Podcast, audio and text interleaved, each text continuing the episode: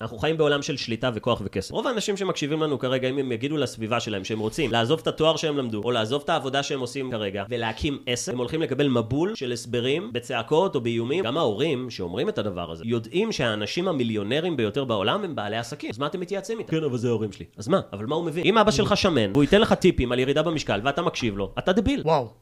טוב, הייתי פשוט בשוק, כאילו, ממה שיש שם בפנים. הפודקאסט של מועדון סיכומי הספרים, בהנחיית רפאל יגודאייב. ברוכים הבאים לפרק נוסף בפודקאסט של מועדון סיכומי הספרים. היום אני מארח כאן אורח מאוד מיוחד ומחבר הספר לשרוף את הספינות, מתן איסטור. מתן איסטור, מה שלומך? בסדר גמור, תודה רבה על ההזמנה. בכיף, בכיף. אז בוא תציג את עצמך לצופים שלנו, שאולי לא נחשפו אליך בכל המאות אלפי צפיות שכבר קיימות אצלך ברשתות, ואני מניח אפילו מיליונים. בוא תציג את עצמך. אה, מתן היסטור, אה, במקרה הזה, אה, מחבר רב המכר לשרוף את הספינות. זה ספר שכתבתי לפני שנתיים בערך, והוא בעצם מדבר על כל עולם ההתפתחות האישית. הוא נהפך לרב מכר ב... מאז שהוא יצא, עשרות אלפי עותקים, באודיו, בספר, בחנויות הספרים, דרך האתר שלי, ויש סיבה. כי אני מגיע מהרקע שהתחלתי ממנו, בטח נגיע לזה בהמשך, עזר לי לכתוב את הספר הזה, והוא פוגש כמעט כל ישראלי שקורא אותו, לגבי למה הוא לא מצליח להגשים את עצמו, מה עוצר אותו, אם זה הסביבה שלו, אם זה המנטליות שלו, מה צריך לעשות, אם זה אמונות מקבילות שיש לנו לגבי הצלחה, לגבי כסף, ואני בטוח שנגיע לזה. אה, אני גם מייסד שותף, יחד עם השותף שלי, עמרי כהן, את מועדון היזמים, המקום שעוזר ליזמים להקים את העסק הראשון שלהם ולהפסיק להיות שכירים, גם אם אין להם רעיון או ניסיון. אה, יש לי פודקאסט בשם סביבה מנצחת, שהגיע כבר קרוב למיליון האזנות, אה, עושה המון רעש גם ביוטיוב, ולאחרונה הוצאתי סדרת רשת חדשה בשם יאללה גבר, שמדברת על כל הנושא של גבריות, נושא שלא מדברים עליו בדרך כלל, פשוט הסברתי לגברים יותר כללים של עשה ואל תעשה אם אתם רוצים להפוך להיות גבר יותר איכותי, שמשיג את מה שגברים רוצים. והסדרה הזאת עושה הרבה מאוד רעש. וזה כרגע. אני יכול להגיד לך שזו סדרה שאני מאוד אהבתי. אני אגיד לך למה גם. יש לזה המון סיבות, ואני אגיד לך אותם. קודם כל לא מדברים על זה, כמו שאמרת. וסוף סוף מישהו פותח את הפה ומלמד בחורים צעירים או בחורים יותר מבוגרים, בוא תהיה גבר, מה, הנה החוקים, כך, לא משנה, בכל מה שתעשה, בין אם זה כסף, בין אם זה אה, קבלת החלטות, בין אם זה נשים, בין אם זה כל מה שצריך לדעת. ואני אגיד לך את מה שאמרתי לך גם לפני זה, מה אני חושב על הסדרה הזו. כשהילדים שלי יגדלו, יש לי ילדים קטנים, אני כן ארצה שהם ייחשפו לתוכן כזה. אני כן ארצה שהם ייחשפו לתוכן כזה, כי אפשר להגיד, זה התוכן הכי אמיתי שיש. הכי אמיתי שיש בכל הפייק מה שקיים במדיה החברתית, ואני מאוד שמח שהוצאת את התוכן הזה. ואגב, קצת התבאסתי שהוא נגמר בפרק 10. אולי, אולי עוד נמשיך, אני רואה שיש לזה הרבה ביקוש. הסדרה הזאת, למי שלא מכיר, זה בעצם סדרה ביוטיוב שאפשר למצוא אותה, שאני מדבר על מה שגברים בעצם רוצים, ופירקתי את זה לשלושה חלקים. אז פירקתי את זה לכוח, שכוח גם הוא מתחלק לכל מיני דברים, לכסף, mm-hmm. איך מרוויחים כסף, או איך להגיע למצב שאתם גברים ש... גברים שמרוויחים יותר משאר הגברים, ואיך להכיר נשים, איך להכיר נשים וגם מה נשים רוצות. ובסוף הדברים האלה הם בנויים אחד על גבי השני, כך שאם אנשים מיישמים את הדברים, אז הם באמת יגיעו לתוצאות הרבה יותר טובות בחיים שלהם. וגברים ונשים מפרגנים לי על הסדרה הזאת. גברים, גם אה, גברים מבוגרים, גרושים עם ילדים, אומרים לי חבל שלא שמעתי את זה קודם. לגמרי. אה, גברים צעירים אומרים, אוקיי, עכשיו אני מבין למה לא הולך לי. mm-hmm. או מה אני צריך לעשות. אה, ונשים שאומרות לי, סוף סוף מדברים על הנושא הזה, ואני חושבת שזה, נשים כותבות לי שהן מעודדות אה, דברים כאלה, כי גברים באמת נעשים חלשים יותר. אני מדבר על זה בפרק הראשון, אני מדבר על זה שגברים נעשים חלשים יותר, נשיים יותר, אה, מבולבלים, לא בריאים, לא החלטיים, ומעבר לזה שנשים נמשכות לדמות הגברית, שאפשר תכף לדבר עליה, זה אחת הסכנות הכי גדולות שלנו אם גברים יהפכו ליותר חלשים, כי התקדמנו כאנושות, כתרבות, כמדינה, תמיד על ידי גברים שלקחו אותנו קדימה. ול... ולמה היה... לפי דעתך גברים נעשים חלשים יותר או נשיים יותר? בעיקר ב- בגלל הרשתות החברתיות. שמה זה עושה? תראה, היום הרשתות החברתיות נותנת את האפשרות לכל בן אדם שיש לו דעה להגיד אותה, וזה אחלה, okay. גם אוקיי. לי יש דעה ואני אומר אותה, אבל אנשים, תראה, זה קשור, זה קשור להיחלשות הדת. וזה נושא שעדיין לא דיברתי עליו. זה קשור לזה שהדת נהפכת להיות משהו שאנשים פחות מאמינים בו. דת? דת. אוקיי. אלוהים, משה רבנו, כן, ישו, אסלאם. מה שתרצה. כי אנחנו נהפכים לכביכול יותר מתוחכמים, יותר מפותחים, ודת זה משהו שיותר פרימיטיבי. אבל אנשים עדיין צריכים משהו להאמין בו. אנשים עדיין צריכים להאמין במשהו, אז אם זה לא בישו, או באלוהים, או ב... לא משנה מה. בנביא מוחמד, הם, הם צריכים להאמין במשהו. ואז כל בן אדם מוצא, אוקיי, אני מאמין שכל, בן, שכל מי שרוצה להיות אישה מגדיר שהוא אישה. או אני מגדיר שאפשר לעשות, שנשים הם ככה, או אני מגדיר שזה ככה, אני מגדיר ש... שפתאום אנשים מאוד מאמינים ב...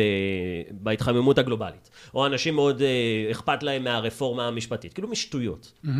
ו... וזה קשור לזה שלאנשים כבר לא נשאר במה להאמין, אז אני חושב שזה קשור לזה, בשילוב עם הרשתות החברתיות. אנשים צריכים לדעת למה הם קמים בבוקר. וכשמישהו יודע שיש לו איזושהי מטרה, גם אם היא מטופשת לחלוטין, זה נותן לו משמעות, הוא מרגיש שהוא לא מבזבז את הזמן שלו על כדור הארץ. אז אני חושב שזה קשור לזה. אני חושב שזה קשור לזה שהיום ברשתות החברתיות, שוב, כל אחד יכול להגיד את דעתו. למזלנו, העולם עדיין יודע להבחין בין טוב לרע. כשאני אומר בין טוב לרע, אני מתכוון ל... יש, יש איזושהי מגפה בארצות הברית ש, שאני יודע שהיא תגיע לישראל, שזה כל הנושא הזה של, אה, מגדר? אה, של מגדר. ראיתי כן, את זה, נחרדתי אה, שראיתי את זה זה, גם. זה, זה, להגיד שזה מגוחך, זה, זה אפילו לא בא לתאר את זה. אתה רואה אנשים מבוגרים שדנים על הסוגיה של האם אישה היא אישה, או האם אישה שאומרת שהיא גבר או אישה, או האם אה, ילדה יכולה להגיד שהיא גבר, או כאילו באמת, אתה קולט כמה אנשים, כמה בני אדם סתומים. עכשיו שוב, זה לא רוב האנשים, זה האחוז הקטן, המיעוט הקיצוני השלילי. אני גם, אני גם מיעוט קיצוני, אני פשוט המיעוט הקיצוני החיובי. אנחנו התקדמנו אגב, פתח סוגריים, על ידי אנשים קיצוניים, חיוביים. אילון מאסק, בן אדם קיצוני, חיובי, משנה את העולם. כן. סטיב ג'ובס כנ"ל, ועוד אם אני אזכיר פה עוד המון שמות. אגב, בעיקר אני אזכיר גברים. ותמיד יהיה את המיעוט השלילי, ששומעים אותו, והוא עושה את הבלגן, ואז זה גורם לך לחשוב, בגלל הרשתות החברתיות, שהרבה אנשים חושבים ככה. עכשיו, זה לא.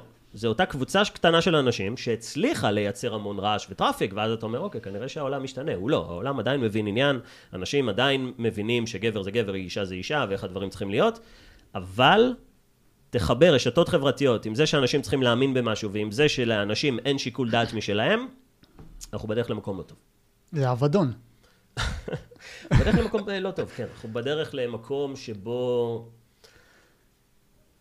חוסר סדר, בוא נקרא לזה. זאת אומרת, אם כל אחד יכול להחליט, אתה יודע, אם... אם אה, שוב, אני לא יודע כמה אנשים מכירים את מה שקורה כרגע בארצות הברית. זה באמת... יש מדינות שקיבלו את החוקה הזו. זאת כן. אומרת, מגיל שלוש אתה יכול להחליט אם אתה בן או בת. אתה לא באמת יכול להחליט בגיל שלוש. לא, זה מה זה מה שהתקנון שלהם אומר שם. אז, אז זה, זה על גבול ה- ותחשוב- הפשע, זה פשע. ותחשוב שיש אנשים שאומרים, רגע, איך ילד, איך ילד או ילדה יכולים להחליט אם הם בן או בת ולעשות, אתה יודע, המדינה שם מממנת אה, שינוי מין. איך ילד יכול להחליט את הדבר הזה אם רישיון הוא מוציא בגיל 17? ברור. אז כאילו, תראה, הגיונית. תמיד שאתם רוצים, זה כלי שאני אתן לכם לחיים. תמיד שאתם מסתכלים על משהו שהוא נראה לכם לא הגיוני או הזוי, תשאלו את עצמכם מי מרוויח מזה כסף, או. מי מצליח, אה, מי, מי שולט בכם. זאת אומרת, זה תמיד קשור לשליטה ולכסף. וזה גם היה גם עם הקורונה, זה היה גם עם המון, המון דברים. והשלב הראשון זה באמת לפתח עמוד שדרה. הבעיה היום זה שלרוב האנשים אין עמוד שדרה. למה אני מתכוון בעמוד שדרה? זה, זה הידיעה שלא מצליחים, לא מצליחים להזיז אותך. זאת אומרת, אתה בסנטר שלך, אתה יודע, אוקיי, זה לא תקין שילד בן שלוש יכול לעשות שינוי לניתוח מין, ואתה יודע את זה, ואתה לא נותן לשטויות כמו רשתות חברתיות או אנשים לשנות אותך מדעתך. זה נקרא סנטר, זה נקרא עמוד שדרה, ובקורונה גילינו למי באמת יש עמוד שדרה ולמי לא. כל האנשים שידעו שהקורונה זה חרטא ועדיין התחסנו, זה אנשים שוויתרו על העמוד שדרה שלהם, כי הם הפסידו נכון. לסביבה שלהם, לתעמולה בחדשות, או לסנקציות, או לתו ירוק, בדיוק. או לשטויות כאלה. שם באמת גילינו למי יש עמוד שדרה. ובתור אחד שלא התחסן ואמר ברשתות החברתיות, אל תתחסנו, זה שטויות. גם אני לא התחסנתי וזה... אתה יודע, היום אנשים חכמים בדיעבד, ידעתי שעובדים עליי, אבל הלכת והתחסנת. בדיוק. אבל שמת מסכה שידעת שזה לא עושה כלום, שמשרד הבריאות אמר שהמסכה לא עושה כלום. זאת אומרת, הסתגרת בבית כי שלחו לך אס.אם.אס לטלפון, כאילו שטויות כאלה, זה. הקורונה באמת הראתה לנו כמה שלאנשים אין שיקול דעת, וזה בא לרעתנו, כי זה מראה שגם שטויות כמו ילד בן שלוש שרוצה לשנות את המין שלו, אני מבטיח לך שזה רק ההתחלה. לגמרי. זה רק ההתחלה, אני בטוח בזה. ואתה יודע מה, משהו לגבי הקורונה, מה שאמרת, היה הרבה הצדקות מהחברה. הנה מחקר שמוכיח שכן צריך, ואני תמיד שאלתי אותם, מי כתב את המחקר? מי מימן את המחקר? אנחנו נמצאים היום בתקופה שאתה כבר לא יודע על מי לסמוך, כי אתה לא יודע מה ממומן, אתה לא יודע מאחורי מה יש אג'נדה. אתה לא יודע מי הבעלים של הדבר, ואתה לא יודע מי רוצה שתחשוב את מה שכרגע מראים לך. ובאמת זה נשאר להישאר עם הסנטר שלך. זאת אומרת, אם משהו נראה לכם לא תקין, יש סיבה שאתם מרגישים ככה. יש סיבה שזה נראה לכם הזוי, אה, כמו כמו מה שאתה אומר על נשים גברים, או דברים שהיו בקורונה, או כל שטות שתמשיך להגיע. ואנחנו נפסיד אם בעיקר גברים יאמינו לשטויות האלה. וזה העניין, כי זה אני כאן. פשוט כדי להזכיר לאנשים וללמד אותם, תקשיבו, אנחנו חיים בעולם של שליטה וכוח וכסף. ואנשים שלא מבינים את זה, הם עוד בובה שמזיזים אותה על חוט. ויש את האנשים שבאמת מושכים בחוטים. יש את זה. אנחנו פשוט צריכים להתעורר. גם בספר שלי, בלשרוף את הספינות, אחד הפרקים, הפרק, החלק הראשון זה להתעורר. זאת אומרת, כל, רוב האנשים ישנים. רוב האנשים לא מודעים... למה, לא- הם, לא- למה הם ישנים? הם ישנים כי מעולם לא יראו אותם. כי הדיפולט שלנו זה לישון. מה זה לישון? זה ל- ללכת על פי המערכת. זה ללכת על בסיס, זה אוקיי, אתה טיילת, אתה הולך לבית ספר, חתיכה, אה, חטיבה, תיכון, תוציא ציונים, בגרויות, תלמד לחפוף משולשים. מסלול קבוע. ו- ולא תעשה כלום, ואז תגיע לצבא, ואז בגיל 22 סוף סוף תהיה חייל משוחרר שלא קיבל שום החלטה על החיים שלו, בלי כסף, בלי הבנה על שום דבר, ואז אתה גם תמצא את עצמך עושה תואר אקדמאי. זה המסלול, וזה נקרא לישון. כי, כי לא קיבלת שום החלטה בחיים שלך, פשוט עשית את מה שכולם עושים, עשית את מה שציפו ממך לעשות, עשית את מה שראית שאנשים עושים, או את מה שההורים שלך רוצים בדיוק. לעשות. היית בובה כל החיים שלך, ורוב האנשים נשארים בזה. עכשיו, אני לא יודע לגבי הקהל שלנו שצופה בנו כרגע, איזה סוג אנשים צופים בנו, אבל הרבה מאוד מהאנשים, רוב האנשים, תראה, רוב האנשים בעולם ישנים, רדומים, זה האנשים שצופים בחדשות ובאח הגדול. זה אנשים עם אינטליגנציה נמוכה, ואנחנו חייבים אנשים כאלה, כי אתה חייב אנשים שיעבדו אה, ברכבת ישראל. אתה חייב מישהו שיעבוד במקצוע שאף אחד לא רוצה לעבוד בו, שאין בו שכר טוב, אבל מישהו חייב לעבוד שם. מישהו זאת חייב אומרת, אתה לתפעל את חייב את המערכת הזו. האנשים הלא אינטליגנטים. אתה חייב אותם. בגלל, שהם, בגלל זה אתה אומר שהם משאירים אה, את הבורות הזו איפשהו? יש בזה יתרונות. יש בזה יתרונות. אז כאילו כל המסע, אתה יכול לראות במסע שלך או בכל השליחות, שבין אם זה עם הספר לבין אם זה יהיה לגבר, כאילו אתה. ברצון לעורר את אותם האנשים? תראה, אני צריך, אה, כמו שב-300-300 ספרטנים, זה מה שהיה צריך, כן. או כדי לפחות, כדי אחרי זה לנצח ב- במלחמה. כל מה שצריך זה קבוצה של גברים שבאמת נחושה ויודעת מה צריך לעשות, היא תזיז את העולם. כן, כל העולם מנוהל, העולם הזה מנוהל על ידי איזה כמה מאות גברים. אז ברור שהמטרה שלי זה קודם כל לנפות את החלשים. כי על ידי התוכן הזה, אתה יודע, יש, יש גברים ונשים שצופים. יש גברים שאוהבים ונשים שאוהבות, אבל יש גם המון נשים שלא אוהבות, ואני יכול להבין את זה. אבל יש גם המון גברים שלא אוהבים את התוכן שלי על הגבר, וזה הגברים החלשים שהם מעולם לא היו קהל היעד שלי. אז הדרך הזאת של לעשות תוכן כזה, זה דרך מעולה כדי לנפות את מי שלא מתאים, ולקדם קדימה את מי שאומר, או, אני, אני מאמין לדברים האלה, אני, אני גם חושב ככה, אני מאמין באותם הערכים, ועכשיו אנחנו נהיה חזקים יותר, כי גם אתה מנפה את החלשים החוצה, אבל גם אתה מביא אנשים שבאמת מאמינים ושותפים לדעות שלך, ואלה האנשים שצריך. לא צריך יותר מדי. צריך קבוצה של אנשים עם כוח וכסף, שיכולים להזיז את כדור הארץ, ואני הולך לבנות קבוצה כזאת. אז זה הדבר. אז זה חשיפה לחזון ענק? החזון ענק שלנו, לפחות במועדון, זה ליצור מערכת חינוך אלטרנטיבית. מערכת חינוך שתפנה לא למי שרוצה להיות שכיר, אלא ממש מדבר על בית ספר, כיתה א' ב'. כן. ממש להביא לשם ילדים, להורים, שמבינים שמערכת החינוך לא מלמדת שום דבר את הילדים שלהם. אתה יודע, מערכת החינוך היום זה מונופול. אתה גם חייב ללכת וגם אין כן. משהו אחר. אין סיכוי שלא תלך. וכמובן שיש כל מיני מקומות אחרים, אבל הם עולים כסף, כן. ולאנשים אין כסף. אז, אז אתה שולח את הילדים שלך, אין לי ילדים, אבל אשכרה כמו בית ספר? כמו בית ספר, אבל פשוט שפונה לחינוך נכון יותר, לחינוך שחסר היום. וזה יגיע, זה ייקח לנו זמן לבנות את זה, אנחנו צריכים בשביל זה שהדור שצופה בנו עכשיו יהפוך להיות הורה, והוא יביא ילדים, והוא כבר הבין שהוא לא רוצה לשלוח את הילדים שלו לבית הספר, אבל הוא צריך גם אלטרנטיבה. מסכים לחלוטין. אז אנחנו עובדים כאבא, מסכים לחלוטין עם מה שאתה אומר. יש בזה המון. אז בוא, בוא תספר קצת על מועדון היזמים. מה זה בעצם, למי שלא מכיר, אה, מה אתם עושים שם? מועדון היזמים זה, זה ארגון, זה בעצם זה חברה, שמה שהיא עושה זה לקחת אה, בני נוער, אה, לא בני נוער, גם בני נוער, אבל בעיקר אחרי צבא. אנשים, כן, אנשים בשנות ה-20, גברים ונשים שרוצים להקים את העסק הראשון שלהם. אנשים שהשתחררו מהצבא, או אנשים שהיו שכירים, או אנשים גם נשואים עם ילדים. יש לנו, הגיל הממוצע במועדון הוא 26, אז זה שתבין. וזה אנשים שפשוט רוצים להקים את העסק הראשון שלהם, כי הם מבינים שעל ידי להיות שכיר, הם לא ישיגו שום דבר בחיים שלהם, בטח שלא כסף, בטח שלא משמעות, ושמבזבזים את הזמן שלהם בלהגשים חלום של מישהו אחר. ובמועדון, אנחנו מלמדים אנשים איך להקים עסק. וזה משהו שאף אחד לא מדבר עליו, כי היום במדינת ישראל יש ייעוץ עסקי. נכון. אבל ייעוץ עסקי היום זה בוא עם העסק שלך ונעזור לך לגדול. לא, אנחנו עוזרים לך להקים את העסק. אתם אומרים גם אם אין לך רעיון עדיין. גם, אל- גם אם אין לך רעיון. מגניב. הייתי אומר שבערך אה, 40 אחוז מהאנשים שמגיעים אלינו למועדון, זה אנשים שגם אין להם רעיון לעסק, ומצאנו דרך איך למצוא עבורם, יחד איתם, בתהליך שעובד, שיטתי, איך שכבר עשינו, שכבר עשינו עם. בערך 500 יזמים את התהליך הזה, מגניב. איך לדעת איזה עסק מתאים לך, שתוכל להרוויח ממנו כסף, ואז אנחנו מתחילים ללמד אותך את כל מה שצריך ללמוד. איך בונים תשתית לעסק, שיווק, מכירות, איך ל- להתנהל, איך לנהל זמן. איך אה, לתת את השירות שלך כמובן, איך אה, להכיל את כל הדבר הזה, איך להתמודד מול הסביבה שלך. אתה יודע, היום האתגרים של אנשים שרוצים להקים את העסק הראשון שלהם, זה לא שהם לא יודעים מה לעשות. אני יכול לקבל את זה שאנשים לא יודעים איך לשווק או למכור, אבל יפתחו סרטון ביוטיוב, איך לשווק ברשתות החברתיות, בום. מהאנשים הטובים ביותר בעולם, זה לא זה. האתגרים היום של אנשים שרוצים להקים את העסק הראשון שלהם, זה בעיקר הסביבה שלהם, שלא. תומכת בהם. בוודאי. רוב האנשים שמקשיבים לנו כרגע, אם הם יגידו לסביבה שלהם שהם רוצים לעזוב את התואר שהם למדו, או לעזוב את העבודה שהם עושים אה, כרגע, ולהקים עסק, הם הולכים לקבל מבול של הסברים בצעקות או באיומים או בייסורים של אני לא מרשה לך, זה טעות, אתה תפסיד את כל הכסף שלך, אנחנו לא נממן את זה, אנחנו לא תומכים בך. עכשיו צריך להבין למה זה, כי גם ההורים שאומרים את הדבר הזה, יודעים שהאנשים המיליונרים ביותר בעולם הם בעלי עסקים. הם, זה ידוע, זאת אומרת, זה לא שכירים. אז למה יש את. ההתנגדות הזו? כי הם לא מאמינים שהילד שלהם מסוגל. הם לא מאמינים בילד שלהם שהוא יצליח להיות אותו בעל עסק. וואלה, לא חשבתי על הכיוון הזה. הם אומרים, אנחנו מכירים אותך כל החיים, אני- אתה הבן שלנו, מה עשית יותר מדי? בקושי לסדר את החדר אתה מצליח, אתה תקים עסק? ו- וזה גם, וזה גם ה- ה- מה שהילדים מקבלים. ילדים, זה יכול להיות אה, גבר בן 24, אבל עדיין, הוא בא להורים שלו, והוא אומר, אני הולך להקים עסק, והם אומרים לו, אתה לא. אתה הולך להיות שכיר, אתה הולך לעשות תואר. ואז, וזה זה, זה, זה שוב, זה שוב, זה שיחה של אנשים בלי עמוד שדרה. אנשים אומרים לי, מתן, אני רוצה להקים עסק, אבל ההורים שלו. אבל ההורים שלי, אבל ההורים שלי רוצים שאני זה. זה בדיוק השלב שבו אנשים, אתה יודע, אני תמיד אומר את זה, יש שלב שבו אתה, אתה מבקש רשות מההורים שלך, כשאנחנו ילדים קטנים אנחנו מבקשים רשות מההורים נכון. שלנו. כשאנחנו מתבגרים יותר, teenagers, אז אנחנו יותר מתייעצים עם ההורים שלנו. ויש שלב מסוים שאתה פשוט מעדכן את ההורים שלך על משהו שעשית. אני עושה את זה. ו- וככה כולם צריכים להתנהל בש- בשנות ה-20. הבעיה זה שבשנות ה-20 יש אנשים שעדיין מבקשים רשות. וזה הפער, אתם לא יכולים להתבגר. הבגרות לא, שלכם... בתפיסה שלהם לא השתנה אולי משהו?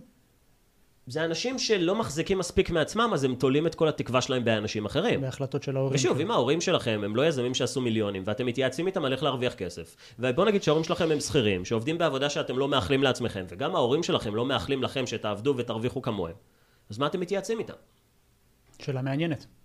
ואנשים לא, אנשים לא עוצרים רגע ולחשוב על זה, כן, אבל זה ההורים שלי. אז מה? אבל מה הוא מבין? אם אבא שלך שמן, והוא ייתן לך טיפים על ירידה במשקל, ואתה מקשיב לו, אתה דביל. עכשיו, גם אם אבא שלך שמן, והוא אומר לך את כל מה שכולם יודעים על ירידה במשקל, ואתה מקשיב לו, אז בסדר, כולם יכלו להגיד לך את זה, אבל הוא לא מהווה דוגמה אישית. הוא לא השיג את התוצאה הזאת, הוא לא יוכל לעזור לך כשיהיה לך קשה להוריד במשקל. זאת אומרת, אנשים יודעים מה הם צריכים לעשות. המידע היום קיים. מהרגע שהמציאו את ChatGPT, אתה וואו. יודע הכל. אתה רק צריך ליישם. ואין לנו אתגר במידע היום, יש לנו אתגר באנשים שמיישמים. אנשים עם חוסן מנטלי, שלא פורשים בדרך, עם עמוד שדרה, שלא מפסידים לסביבה שלהם, שעושים את מה שהם רוצים. הספר שלי מדבר על זה בהרחבה, על איך. להיות בן אדם כזה. זה נקרא הבן אדם שאנחנו רוצים להיות.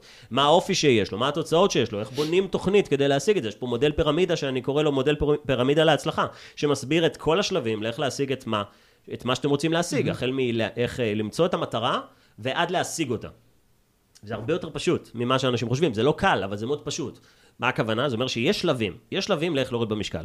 יש שלבים לאיך להכיר בחורות. יש שלבים לאיך להרוויח כסף. זה קיים, איך? כי אנשים אחרים כבר השיגו את זה, לא בן אדם אחד.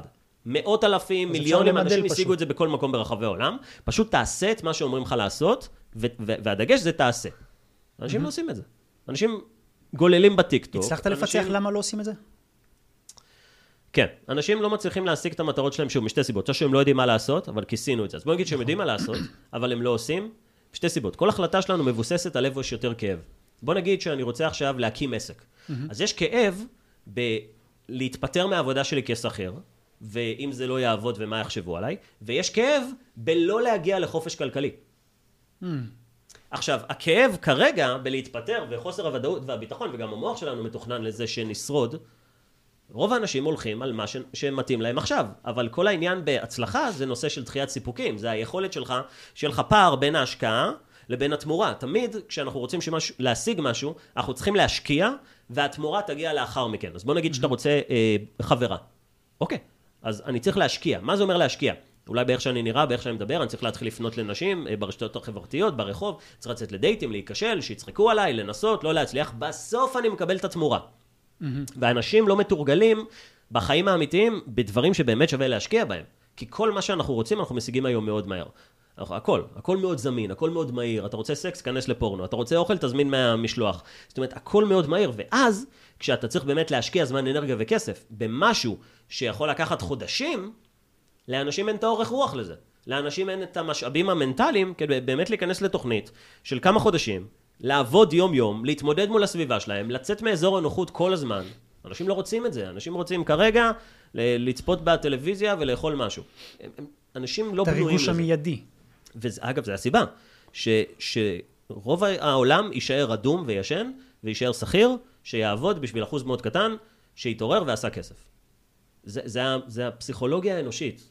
אני יכול להיות מאוד טוב במה שאני עושה, אני עדיין, אני אשפיע על אחוז קטן מהאוכלוסייה, אנשים שוב, שצופים בתכנים. Mm-hmm. כל מי שצופה בתכנים שלי, שתי, מתחלק לשתי קבוצות. הוא מזיין את השכל, עליך. או עליי, או שאני מזיין את השכל, או שאו סוף סוף מישהו שמדבר את מה שרציתי לשמוע, בוא נקשיב לו.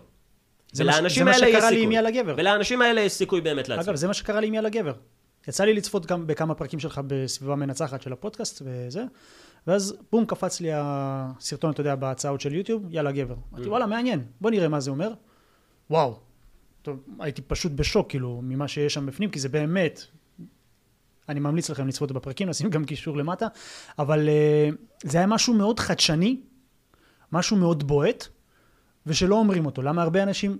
כי אנשים מפחדים. גברים מפחדים היום מתגובה של נשים. בדיוק, בדיוק. וזה בעיה. ואגב, יאמר לזכותך גם שעשית את זה בצורה מאוד מקצועית.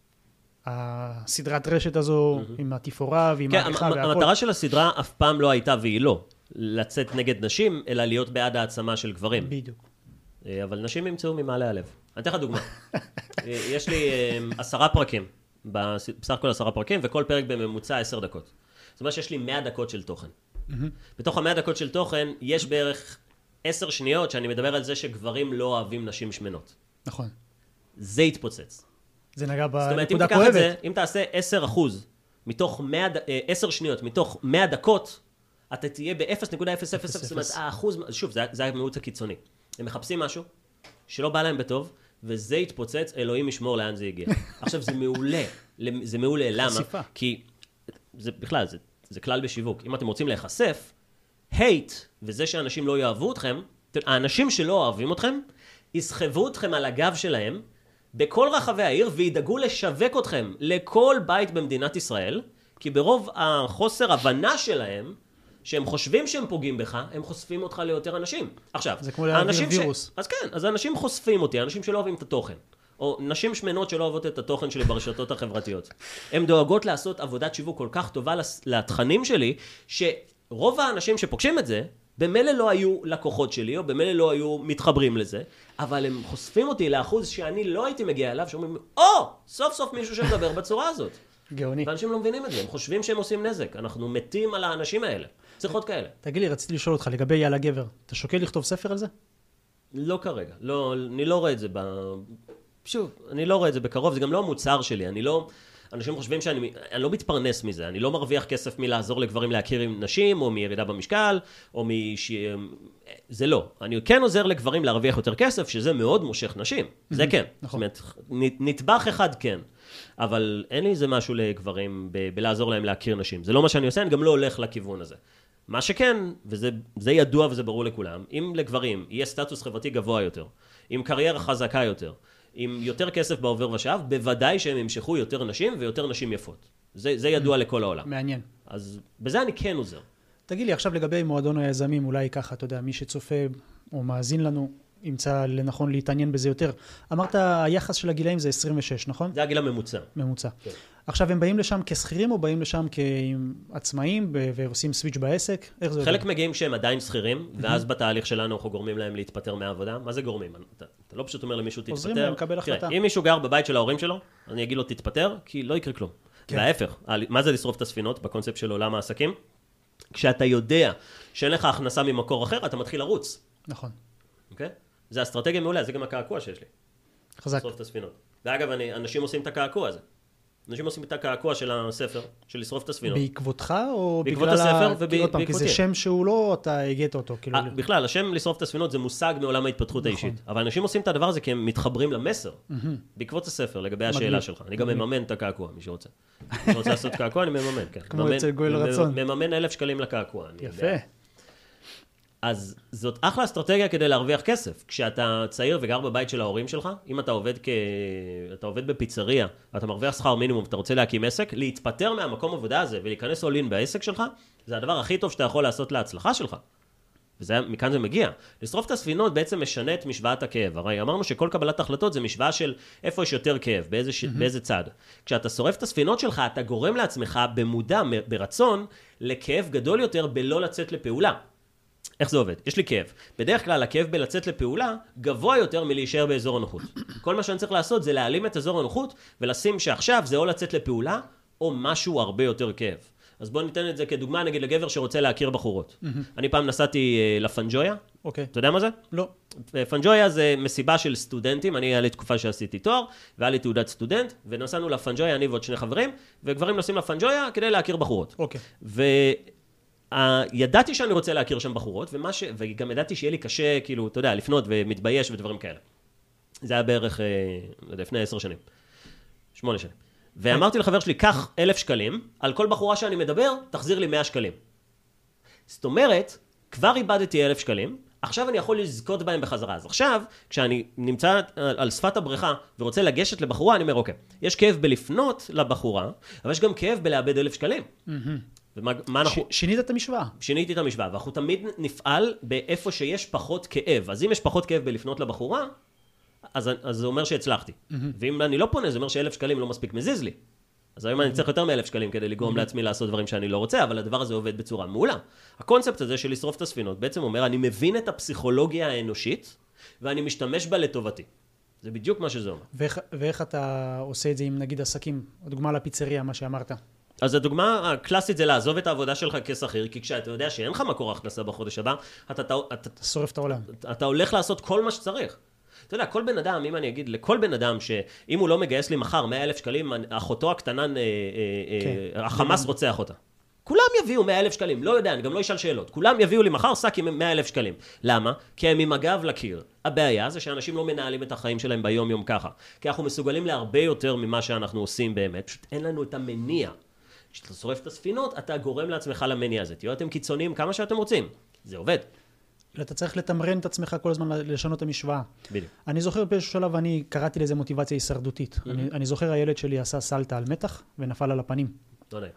פתח את כל השפה פה, נשך את הלשון, ממש חתך של שתי סנטים, ולקחנו אותו לבית חולים, והחזקתי אותו ארבע שעות על הידיים בלי לעזוב. הידיים שלי התפרקו. ואז ב, ביום למחרת שאלתי את עצמי, כאילו, למה לא עזבתי אותו? כאילו, אה, מאיפה הכוח הזה הגיע? אז אמרתי, רגע, המשוואה כאן הייתה אחרת. זאת אומרת, זה כבר לא רצון, תעזוב או לא תעזוב, הוא בוכה, אתה לא יכול לעזוב אותו. זאת אומרת, אז יש כאן איזשהו הישרדותי, כאילו, אתה לא רוצה לשחרר את הילד שלך. וזה מזכיר קצת את מה שאמרת לגבי ה, אה, לשרוף את הספינות.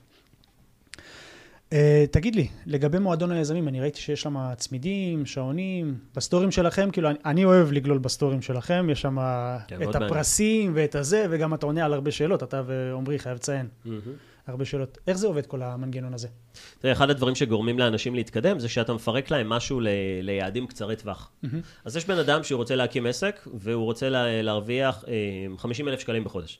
אז אתה מפרק לו את זה, כי אצלנו במועדון יש לנו צמידים. לכל יזם במועדון יש רמה. הרמה העסקית שלך באה לידי ביטוי על בסיס כמות הכסף שאתה מרוויח בחודש, על בסיס מחזור העסקאות שאתה סוגר.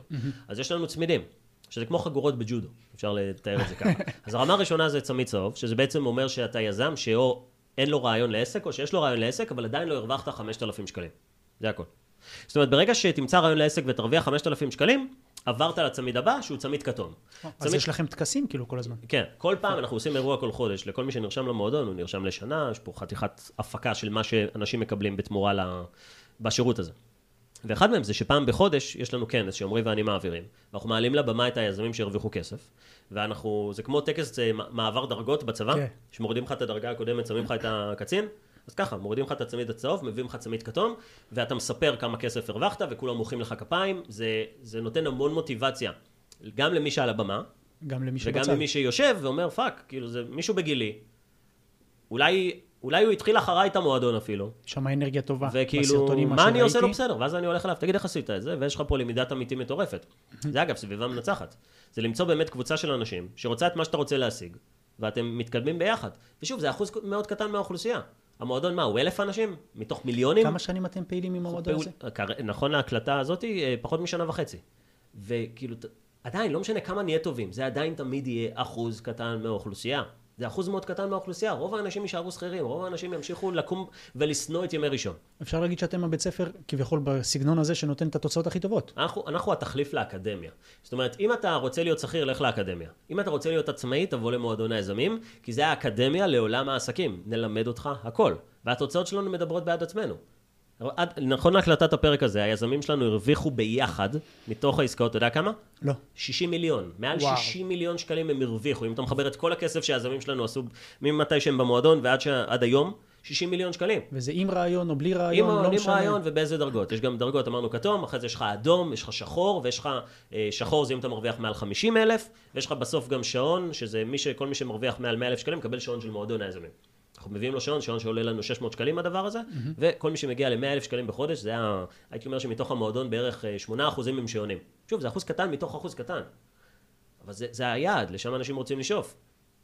והדבר הזה עובד מעולה. יש לנו פה מעטפת מדהימה, ושוב, אנחנו תמיד, אני, כמתן, תמיד אפנה לאחוז הקטן באוכלוסייה שרוצה לנצח. ותראה היום משפיענים ברשת, תסתכל על המשפיעני רשת שיש להם מאות אלפי עוקבים, הם פונים למה שנקרא מרכז העקומה. מה זה מרכז העקומה? זה הישראלי הממוצע, זה רוב האנשים, זה האנשים שצופים בתוכניות ריאליטי. יש סיבה שלכוכבי ריאליטי יש כל כך הרבה... אה, תראה מישהו שנכנס להישרדות, יוצא. מהישרדות, תראה כמה עוקבים יש לו. הלוואי עליי להגיע לכמות הזאת בזה. עכשיו למה? הם פונים לקהל בתדר מאוד נמוך, עם אינטליגנציה יותר נמוכה, שלא רוצה יותר מדי מהחיים, הוא רוצה בידור, והוא לא רוצה להשקיע בעצמו ולצאת מאזור הנוחות. ואז הם רואים מישהו כמוני, שמראה להם תוצאה. אתם יכולים הרבה יותר, אתם יכולים להרוויח ככה, אתם יכולים לעשות את זה, והדרך שלהם כדי להתמודד עם האמת, זה ש- שתי אפשרויות. אחד, להגיד זה לא אמיתי, שאומרים לנו את זה הרבה פעמים על התוצאות של היזמים במועדון, כי הם רואים אה, בחורה, בת 23, ואומרת, החודש הרווחתי 64 אלף שקלים. על פניו זה נראה לא הגיוני. אנשים אומרים, פניו. זה לא הגיוני, עכשיו זה מנגנון הגנה. הדרך השנייה, דרך אחת זה להגיד שזה לא אפשרי.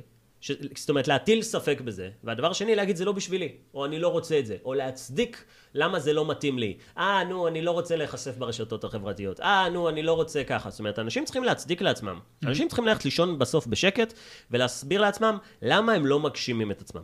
אז זה או כי שקרנים, או כי זה לא בשבילם, או כי זה העיקר זמן לא שתהיה טוב. תשובה כלשהי. העיקר שתהיה תשובה. אנחנו צריכים לענות לעצמנו על השאלות, וגם רוב האנשים לא רוצים לשאול שאלות. אה, לשאול את עצמם את השאלות הקשות. שאלות עומק. כן, של איפה אני נמצא בחיים, אה, כמה כסף אני מרוויח, אה, למה אני נראה ככה, אה, אם אני רווק, האם אני... למה, כאילו, אנשים לא רוצים להתעמת עם השיט הזה. אז הם פוגשים מישהו כמוני, שאומר להם, בואו תתעמתו עם זה. הם לא רוצים. ובגלל זה אני תמיד אפנה לאחוז מאוד קטן באוכלוסייה. וזה אחוז שבאמת רוצה לנצח. אתה יודע, מתן, אם אני חושב עכשיו, אני זוכר שהתחלת כמאמן כושר, נכון. נכון? ואז היית מסקר ספרים גם, ממליץ. היה גם, כן, יש לי גם עמוד של... אני זוכר, של המלצות אני ספרים. זוכר את זה גם. השוני, אני, אני חייב לציין ולהגיד את זה, ותגיד לי מה הסוויץ' שעשית בראש. כשצופים בסרטונים שלך כמאמן כושר, או כממליץ ספרים, היית יותר נחמד כזה. עכשיו אפשר להגיד שאתה יותר דומיננטי, יותר יודע מה אתה אומר, כריזמטי, ולמרות שגם שם היית, כן? אבל רואים את השוני ואת הפער. מה הסוויץ' שעשית בראש שלך? אני חושב שככל שאתה חי יותר אנשים ובני אדם, אתה פשוט מבין את המכנה המשותף, ואתה מבין שמה שבאמת אנשים צריכים זה סתירה. רוב האנשים באמת צריכים סתירה כדי להתעורר, וכשאתה אומר דברים בצורה שהיא מאוד חדה, אנשים אומרים, אוקיי, הבנתי, זאת האמת. תראה, אני מאוד בטוח במה שאני אומר, בכל הדברים. כשאני אומר לאנשים, לאנשים אה, אל תעשו תואר, אני חותם על זה. כשאני אומר לאנשים שעסק יביא אתכם לחופש כלכלי, אני חותם על זה. כשאני אומר לגברים, שאם תהיו גברים חזקים יותר, שמרוויחים יותר כסף, אתם תשיגו יותר נשים, אני חותם על זה.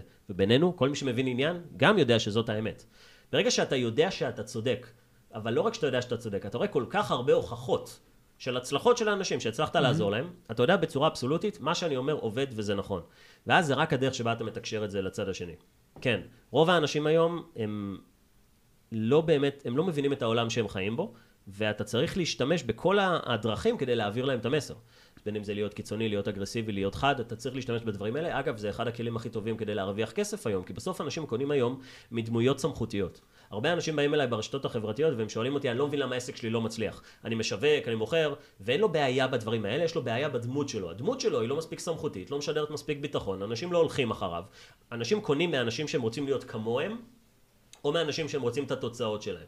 אז אם לא הראת לי שיש לך את התוצאות שאני רוצה להשיג, לפחות תראה לי שיש לך אופי כמו שהייתי רוצה שיהיה לי. אז אם אין לך גם את האופי וגם את התוצאות, אתה לא במשחק אפילו. מעניין. אנשים לא מבינים את זה. אז אתה אומר שכביכול צריך להחליט בדיוק לאן אתה רוצה ללכת ולהגיד את המילים שצריך להגיד, ולא להיות נחמד יותר מדי. לא להתייפייף. כן. מגניב, מגניב. אז uh, מתן, אני רוצה לפתוח כאן, יש איזשהו נוהל שאני עושה עם הספרים. כן. אני פותח באקראי, משהו שאני ממרקר, ואני ממרקר המון, ונדבר עליו. אה, יש כאן, רגע, יש כאן את הקטע הזה, את האיורים עם המטוסים. אנשים מצליחים הם הוותרנים מספר אחת. הם לא חוששים לוותר על משהו כאשר הם רואים שהוא לא משרת אותם בדרך ליעד. לגמרי. בוא תרחיב על זה קצת.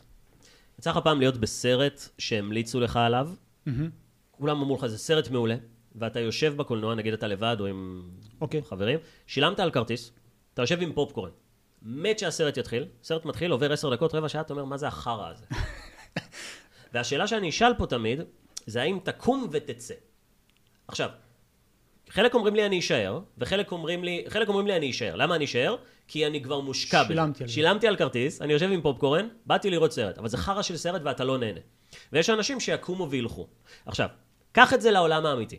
קח את זה לבן אדם שנמצא בתוך עבודה שהוא לא סובל. וואו. קח את זה לבן אדם שעושה תואר אקדמאי, והוא כבר, וזה תואר של ארבע שנים. ובשנה הראשונה, אחרי, אחרי ארבעה חודשים, בשנה הראשונה, הוא הבין שזה לא מה שהוא רוצה לעשות, הוא הבין שזה חרטא, הוא הבין שהוא לא אוהב את זה, מה שכן, הוא שילם על התואר. והוא סיפר לכולם שהוא מתחיל תואר. כמות האנשים שפשוט תזרום עם זה, כי ככה, כי הם שילמו, כי לא נעים, כי אולי זה ישתפר, התחלתי, צריך לסיים. זה בדיוק הסיבה שאנשים לא מצליחים להתקדם בחיים. הם חושבים שלוותר זה דבר שהוא שלילי. אבל אם אתה החלטת, ואגב גם אני, אני יוצא מסרטים באמצע שאני לא אוהב, אבל אם אתה מבין שזה בזבוז של המשאב היקר ביותר שיש לך, שזה הזמן, הכסף כבר, הכסף לא יחזור. מה עם הזמן? מה עם, ה, מה עם האנרגיה שלך? מה עם להשקיע את הזמן ואת האנרגיה הללו במקומות אחרים? ובדיוק כמו האנשים שהיו מחליטים שהם קמים מסרט, אבל אתם לא קמים מהנקודה שאתם נמצאים בה בחיים שלכם, ואומרים אני לא ממשיך עם השטויות האלה, אפילו שאני מושקע בזמן, אנרגיה וכסף, זה בדיוק אותו הדבר, אתם הורסים לעצמכם את החיים. ולכן אנשים מצליחנים זה אנשים שיודעים להגיד, רגע, שנייה, זה לא קשור למה שאני רוצה להשיג, פאק שלי, אני טעיתי, הייתי צריך להפעיל שיקול דעת טוב יותר, אבל עכשיו אני מפעיל את השיקול דעת בזה שאני חותך מזה. אנשים החלטה. לא עושים את זה, אנשים מפחדים. אנשים מפחדים בעיקר מי? מה יחשבו עליהם. זאת אומרת, אם התחלתי תואר, בוא נלך שנייה ספציפית על תואר אקדמאי, כי כל כך הרבה אנשים מתחילים תואר אקדמאי כי אמרו להם שהם צריכים לעשות את זה, כי ההורים שלהם והסביבה שלהם והחברים שלהם ומה שמצופה מהם, ושילמו להם על התואר, ובוא נגיד שכל השנה, נגיד אין החזרים. אז בן אדם אומר, אוקיי, משוואה של כאב, יש, שילמנו, מה יחשבו עליי, איך אני אצטייר כלפי אנשים אחרים, ומה אני אעשה. ויחשבו שאני ותרן. ומה הכאב? הכאב זה להמשיך ללמוד משהו שאתה לא אוהב, לא מתחבר אליו ולא תעסוק בו. איפ, איפה אנחנו בוחרים להיות? איפה שיש יותר כאב. ודרך מאוד טובה כדי לשנות במקרה הזה את משוואת הכאב, להבין שאתה לא חייב כלום לסביבה שלך, ושהכסף אבוד, אבל ת, תשיב לעצמך את הזמן ואת האנרגיה הזאת. ורוב האנשים מח- מחליטים החלטות כאלה על בסיס מה, הם פשוט לא רוצים לצאת מאזור הנוחות. והאזור. הנוחות שלהם זה להמשיך לעשות תואר שהם לא אוהבים ולא סובלים, שיביא אותם לעבודה בלי כסף. וזה רוב האנשים. וזה בדיוק המשפט הזה מתוך הספר. חזק, חזק מאוד. טוב, מתן ניסטור, היה לי העונג לארח אותך בפודקאסט שלנו של מועדון סיכומי הספרים. אגב, את הכישורים לכל הרשתות, אה, לרכוש את הספר הזה, אם יש, תשלח לי, אני אשים בתיאור למטה, שהחבר'ה יוכלו ל... כל מי שרוצה להכיר אותי, לצפות בעל הגבר, או בעמוד אינסטגרם, או להזמין את הספר, שמנו לכם לינקים לגמרי. מתחת לסרטון. אגב, אני ממליץ על יאללה גבר וכמה כמה פעמים לצפות. כמו שאמרתי לכם מקודם, יש לי ילדים, אחד אה, כרגע הוא בן 11, 9, אני כן ארצה שהם ייחשפו לתוכן הזה. באמת אני אומר את זה, ואגב, גם לספר הזה, אני גם אמרתי לך את זה בהתכתבות שלנו, שבאמת זה ספר אחד הטובים שקראתי בתחום הזה ספציפית. אבל להגיד את האמת, השם לשרוף את הספינות, הוציא אותו מהקשר בהתחלה, אתה יודע, כי יש את התפיסה של מה אני חושב עליו לפני שקראתי, מהמם. ויש את זה אחרי שאתה מעמיק בו ומשקיע בו זמן, ואתה אומר, וואו, זה בכלל לא מה שחשבתי עליו. אז יאמר לזכותך שאתה הפתעה, כמו ביצת הפתעה כזו. תודה רבה. אז uh, אני אשים את הכישורים חברים, וקדימה, כנסו, תרכשו, תעקבו, והיה לי עונג. תודה רבה לך. תודה.